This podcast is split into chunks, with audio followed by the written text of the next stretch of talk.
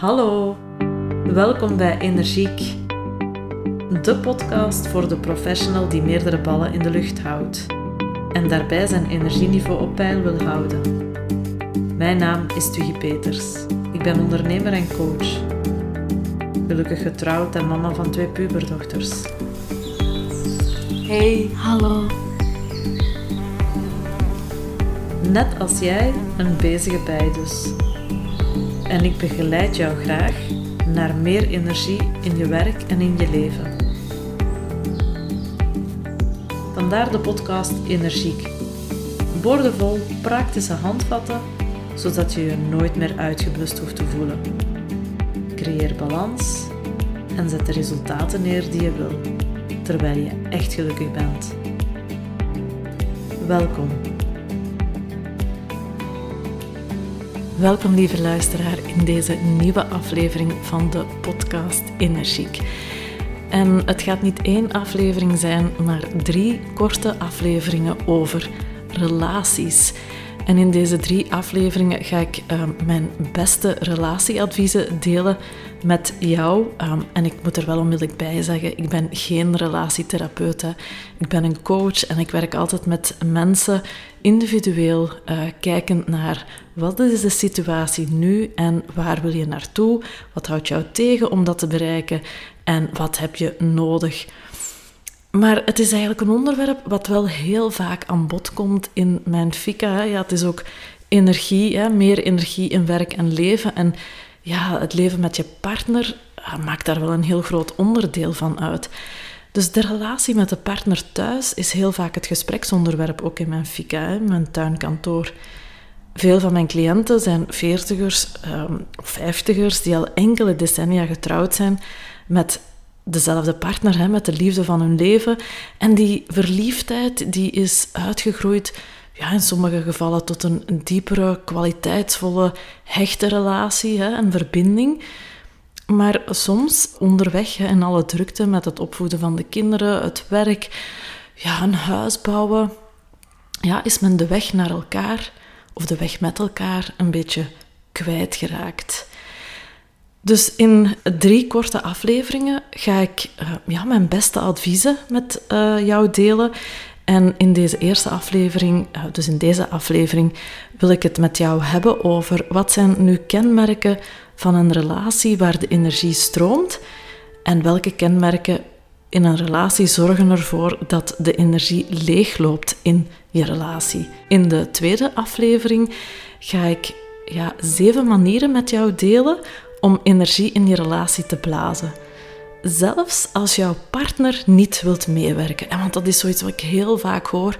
Ja, met mijn partner valt niet te praten en die wilt niet en ik heb het al honderd keren geprobeerd en het is altijd hetzelfde en het eindigt altijd in ruzie en, en ik ben er zeker van, uh, met, als je met die zeven manieren aan de slag gaat, dat je ook daar wel wat dingen in beweging kan brengen Zelfs wanneer je nu denkt, of er nu van overtuigd bent, ah, mijn partner die wil toch niet mee, die werkt niet mee.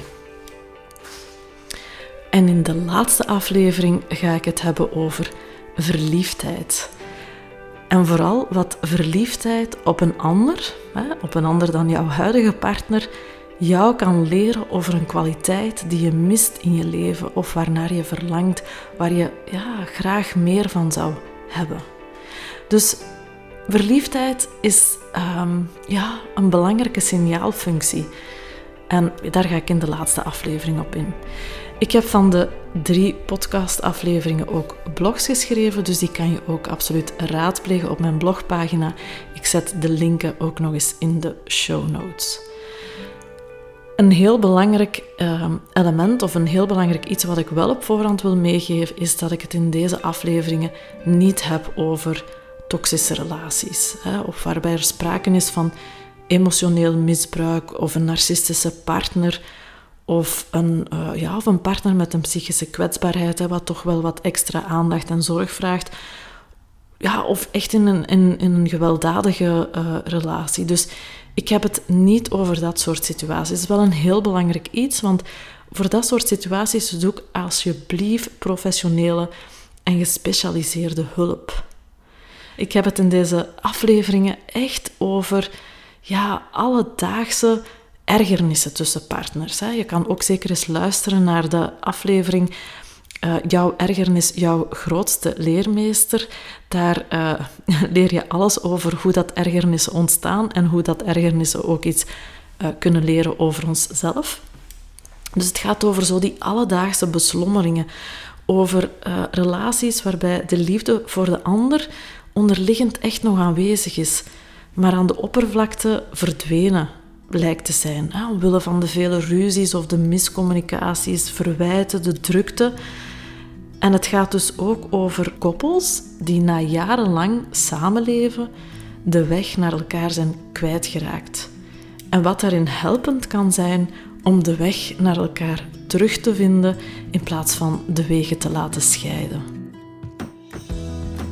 Dus in deze aflevering heb ik het met jou over die kenmerken van een gezonde relatie of wat kenmerken zijn van relaties waar de energie stroomt en waar, dat je, ja, waar dat er uitwisseling is.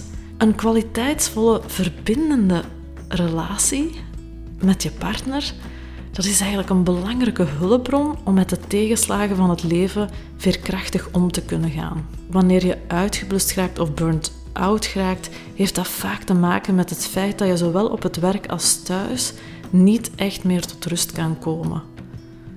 Wanneer je na een stresserende dag in een liefdevol en warm nest thuis kan komen, kunnen de emoties sneller gereguleerd worden. Kom je thuis opnieuw in een stresserende situatie omwille van conflict, spanningen, ja, met je partner, dan kan je onvoldoende je energieniveau herstellen na een vermoeiende dag. En ja, je weet, iedereen kan burn-out geraken wanneer de spanning te lang aanhoudt op een hoog niveau, zonder dat je periodes van herstel, ontlading kan ervaren en zonder dat je gevoelens van erkenning en waardering kan ervaren. En onderzoek toont aan dat mensen die verbindende en hechte relaties kunnen hebben, en dus ook hè, vriendschapsrelaties horen daar ook bij, dat die zelfs langer leven. En op een latere leeftijd een verbeterd cognitief functioneren kennen energie steken in je relatie. Om ervoor te zorgen dat ze ja, kan uitgroeien tot een hechte, diepe, verbindende relatie, is echt wel de moeite waard. Want daar krijg je ook heel veel energie voor terug. Maar wat ik vaak merk is dat ehm, ja, mijn cliënten, ja, omwille van allemaal uh, heel goed te begrijpen redenen, op een bepaald moment zeggen van, ik, ik, ja, um, ik weet niet of ik er nog energie moet insteken. Dus wanneer je in een diepgaande, kwaliteitsvolle en verbindende relatie zit met je partner, eh, dan zit je in een gezonde relatie, een relatie waar je energie van krijgt. Ervaar je echter moeilijkheden, veel conflict, jaloezie, miscommunicatie in je relatie, dan loopt je batterij leeg en kan je in een ongezonde relatie terechtgekomen zijn. Nu, wat zijn de kenmerken hiervan. Ik heb er hier zes, en misschien zijn er wel nog meer, maar zes die ik zo telkens wel uh, terugvind. Ja, zowel hè, wat ik nu vertel is een stuk gebaseerd op uh, eigen ervaring, maar ook ervaring in de praktijk en uiteraard ook hè, literatuur die je er kan over lezen. Maar een eerste belangrijk aspect is vertrouwen. vertrouwen is de basis van elke gezonde relatie. Hè. Wanneer je met je partner in een vorm van wantrouwen zit, ja, dat is zo'n een, stille moordenaar, zo'n sluipmoordenaar. Moordenaar, dat begint heel erg te wegen wanneer je niet vertrouwd wordt of wanneer je je partner niet vertrouwt. En daar kunnen heel veel redenen voor zijn waarom er wantrouwen is in de relatie. Omdat er ja, misschien in het verleden dingen gebeurd zijn, of omdat je in een vorige relatie slechte ervaringen hebt gehad. Maar als dat echt ehm, een issue is, probeer dan echt daaraan te werken. Want langdurig wantrouwen, ja, dat put jullie beiden uit. Je moet ergens kunnen vertrekken van een basis van vertrouwen. Een tweede aspect of een tweede kenmerk is, er is respect voor elkaar. En respect voor elkaar, dat merk je doordat partners elkaar ja, eh, toespreken, aanspreken, behandelen ja, op een manier ja, zoals je zelf behandeld wilt worden. Hè. Dus die gaan ehm, elkaar niet uh, vernederen in het bijzijn van anderen. Die gaan geen kleinerende opmerkingen maken. Die gaan elkaar echt ja, ondersteunen, aanmoedigen, bevestigen. Dat is, dat is een vorm van respect. En ook dat, hè, dat is zoiets heel kleins dat er heel makkelijk insluipt. Zo is een, uh, ja, een klein grapje maken. En dat is toch grappig bedoeld en daar is toch niks mis mee.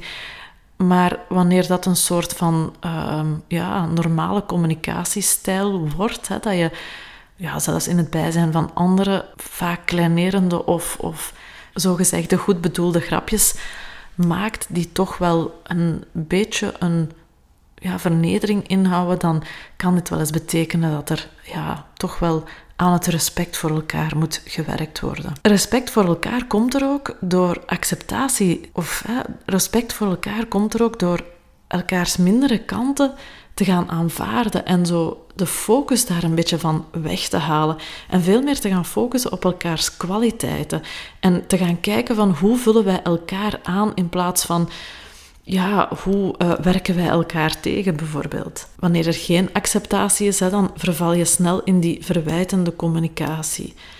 Um, ja, en dan zit er vaak ook een component in van dat je verwacht dat de andere verandert. Hè? Dat het probleem eigenlijk bij de andere ligt. Want hoe dat jouw model van de wereld is, of hoe dat jij vindt dat het zou moeten, is, hè, is de goede manier. Een vierde kenmerk van een relatie die energie geeft, is wanneer dat jullie samen nog veel plezier maken. Dat jullie kunnen lachen met elkaar, genieten van elkaars gezelschap. En dat, dat jullie elkaars onhebbelijkheden weten te relativeren. Ja, dat, dat geluk eigenlijk, geluk en plezier, meer centraal staat dan, ja, dan pijn of drama. Hè. Ja, de, de keerzijde van de medaille, wanneer het dan minder stroomt, dat is wanneer dat jullie ja, geen tijd meer maken om samen plezier te maken. Dat, dat is er gewoon niet meer bij. Jullie zitten onmiddellijk in een soort van conflict, in oude pijn, hè? oude koeien uit de, uit de sloot halen. Ehm, of ja, grapjes heel persoonlijk gaan nemen. Een beetje de luchtigheid is eruit. Hè? Um, heel snel in het drama terechtkomen. Ook weer vanuit een stuk verwijt dat de andere misschien niet helemaal doet wat jij zou willen dat die doet de energie kan ook maar blijven stromen in een relatie als geven en nemen in balans is. En hier, ja, hier loopt het heel vaak op mis. Hè. Dat is dat de ene partner het gevoel heeft van ik heb al zoveel gegeven in deze relatie en er komt maar niks terug. Wanneer geven en nemen in balans is, dan ja, betekent dat dat jullie er zijn voor elkaar en dat jullie zorg dragen voor elkaar. Er is sprake van gelijkwaardigheid en de energie stroomt in twee richtingen. Hè. Dus dat betekent dat je in een mindere periode dat ja, jouw partner de dingen een keer van jou overneemt. Of wat hè, onmiddellijk voor jou klaarstaat en ook omgekeerd. Als dat scheef groeit, hè, als je in een relatie zit waarin dat je meer geeft dan ontvangt, ja, dan gaat er systematisch meer aandacht en energie naar een van jullie beiden. En dat zuigt de andere leeg. En op termijn gaat zich dat altijd wreken. En dat is iets wat ik dus ja, heel vaak tegenkom in mijn praktijk. Dat is ja, dat partner zelf, dat de, dat de persoon die hier dan bij mij zit, man of vrouw, het gevoel heeft van ik heb eigenlijk al die jaren zoveel gegeven en ik heb er zo weinig voor teruggekregen. En dan is het toch wel belangrijk uh, om dat ook bespreekbaar te maken. En daar kom ik uh, in, zeker in, in de volgende aflevering ook nog op terug.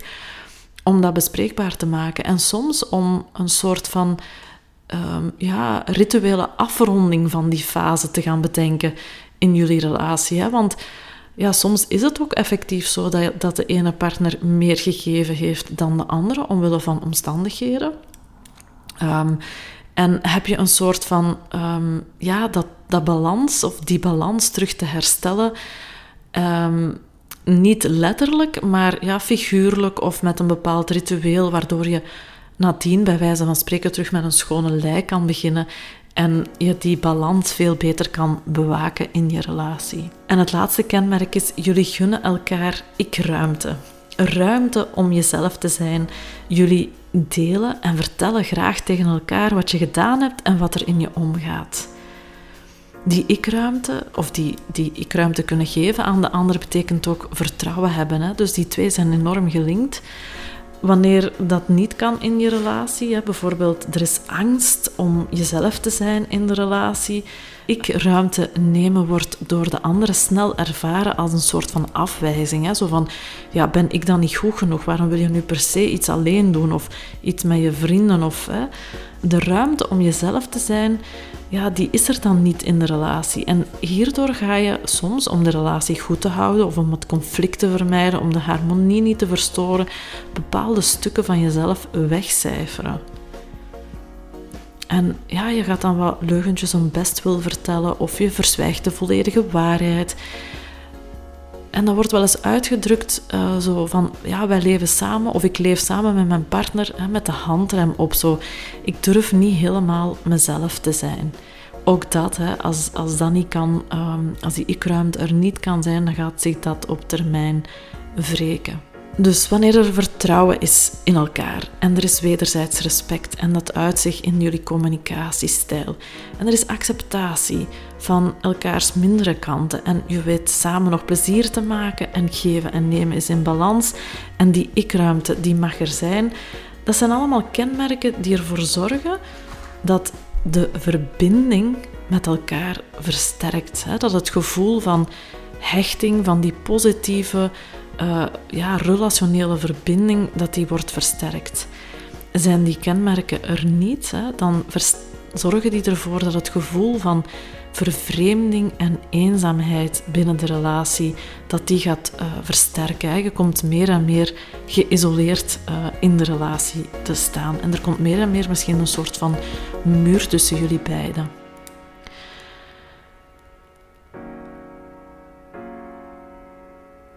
Nu, het gaat er eigenlijk niet noodzakelijk om dat je veel gemeenschappelijk hebt. Dat is ook zo'n uh, een ding hè, van, ja, we hebben niet veel gemeenschappelijk. Um, dus ja, we vinden elkaar niet meer. Ja, ik zou durven zeggen, dat is eigenlijk niet de kern, hè, dat je niet veel gemeenschappelijk hebt. Het belangrijkste is, is hoe ga je om met die verschillen? Mogen die verschillen er zijn? Communiceer je met elkaar over wat je daarin nodig hebt en hoe je elkaar hierin tegemoet kan komen. En kan je dat op een respectvolle manier met elkaar doen, met erkenning hè, voor elkaars noden, dan gaat die relatie jou ook wel veiligheid bieden en het gevoel geven van ik ben goed genoeg en ik word graag gezien voor wie ik ben, just as you are. Als de communicatie daaromtrent hè, uh, verwijtend loopt en met weinig zorg en aandacht voor elkaars noden, ja, dan, gaat je, dan gaat je relatie jou een onveilig gevoel geven en dan voelt het alsof je niet goed genoeg bent voor de ander. En daardoor groeit dat gevoel van eenzaamheid. Je voelt je eigenlijk niet gezien en niet begrepen. Heb jij het gevoel dat de energie in jouw relatie niet helemaal stroomt? Hè? Herken je een aantal kenmerken en wil je dat doorbreken? Hè? Wil je daar iets aan doen? Dan zou ik zeggen, luister zeker eens naar de volgende aflevering, want daarin deel ik dus de zeven manieren om energie in je relatie te blazen, zelfs wanneer je partner niet wil meewerken. Lukt het dan nog niet of zeg je van ja, ik, ik, ehm, ik wil daar toch hulp bij, dan mag je mij zeker altijd contacteren. Twiggy at energy-coach.be. Ik werk telkens met de persoon die bij mij zit en van daaruit vertrekken we vanuit de realiteit zoals die is en uh, gaan we kijken naar waar je naartoe wilt, wat je daarvoor nodig hebt en wat jou nog tegenhoudt. Dit was het voor deze eerste aflevering. En um, ik zou zeggen, uh, spoel onmiddellijk door. Of hoe doe je dat? Of uh, laat onmiddellijk doorlopen naar de volgende aflevering. Daarin krijg je zeven adviezen om energie in je relatie te blazen.